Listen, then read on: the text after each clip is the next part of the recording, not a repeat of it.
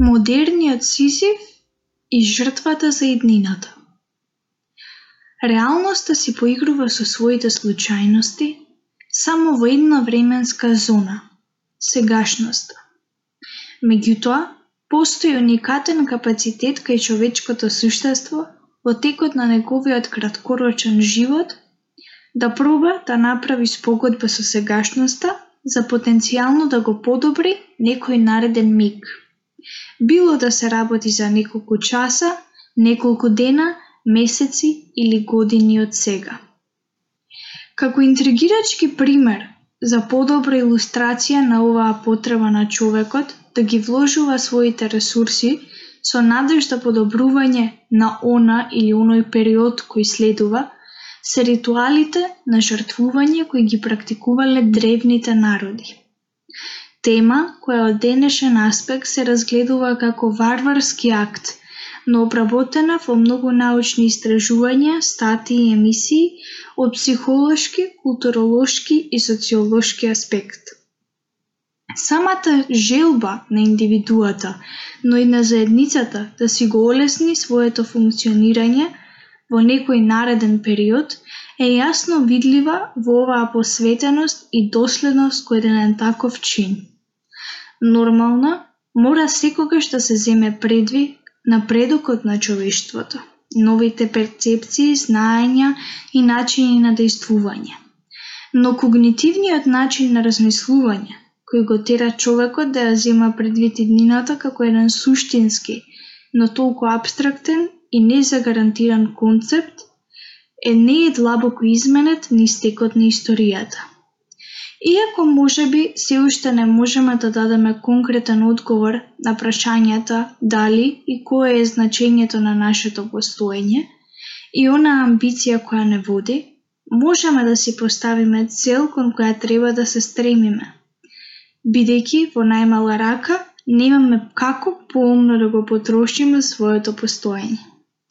Може би звучи грубо, но сепак има нешто крајно привлечно во екзистенцијалистичкото гледање на светот и сите во овој или во оној момент се сочувствуваме со Сизифовата мака. Следствено на ова, замислата за иднината и таа да се претвори во сон, а потоа на сонот да му се придружи стратегија што ќе го претвори во цел. Секој човек ќе има должноста да си разјасни себе си, и да испита што е она за него што значи иднината и како, колку и што е спремен за истата да вложи. Како и за секој амбициозен млад и полетен човек, така и за мене еднината представува сонлив до некаде идеализиран концепт, но исто и толку безвреден и неостварен, без одговорност и неизино исполнување. Токму затоа, Успешна е онаа иднина која континуирано успева да ги претвори со ништата на минатото во сегашност, онаа која докажува дека ја дораснува одговорноста и онаа за која се положуваат навреме вистинските жртви. Всушност, модерниот човек се повеќе станува свесен за жртвите кои ги прави, најчесто и на дневна основа, само за да си обезбеди потенцијално поголема сигурност во иднината. И не само тоа, туку и со текот на времето кој изменува начинот на кој функционира системот, само за да овозможи реципроцитет на жртвата и добивката на индивидуата. Прилично едноставен пример за ова е се поголемата желба на младите да се запишуваат во високо рангирани образовни институции. Образовниот систем во современиот свет е конструиран така што за ова постојат критериуми кои ја дефинираат нивната компетентност, а таа пак се достигнува со огромен труд, но затоа пружи огромна предност во исполнување на понатамошните амбиции.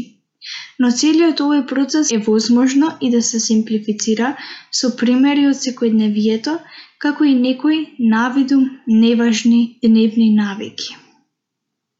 Продолжувањето на животниот век и здравието се најважниот фактор за опстанок, па така се повеќе млади луѓе почнуваат посветено да ја разбираат важноста на грижата за физичкото здравје.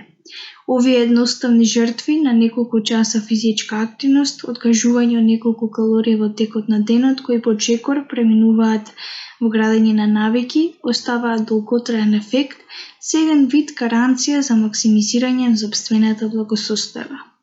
Несомнено, иднината не може да се предвиди, но таа е она за која имаме должност да се изгради.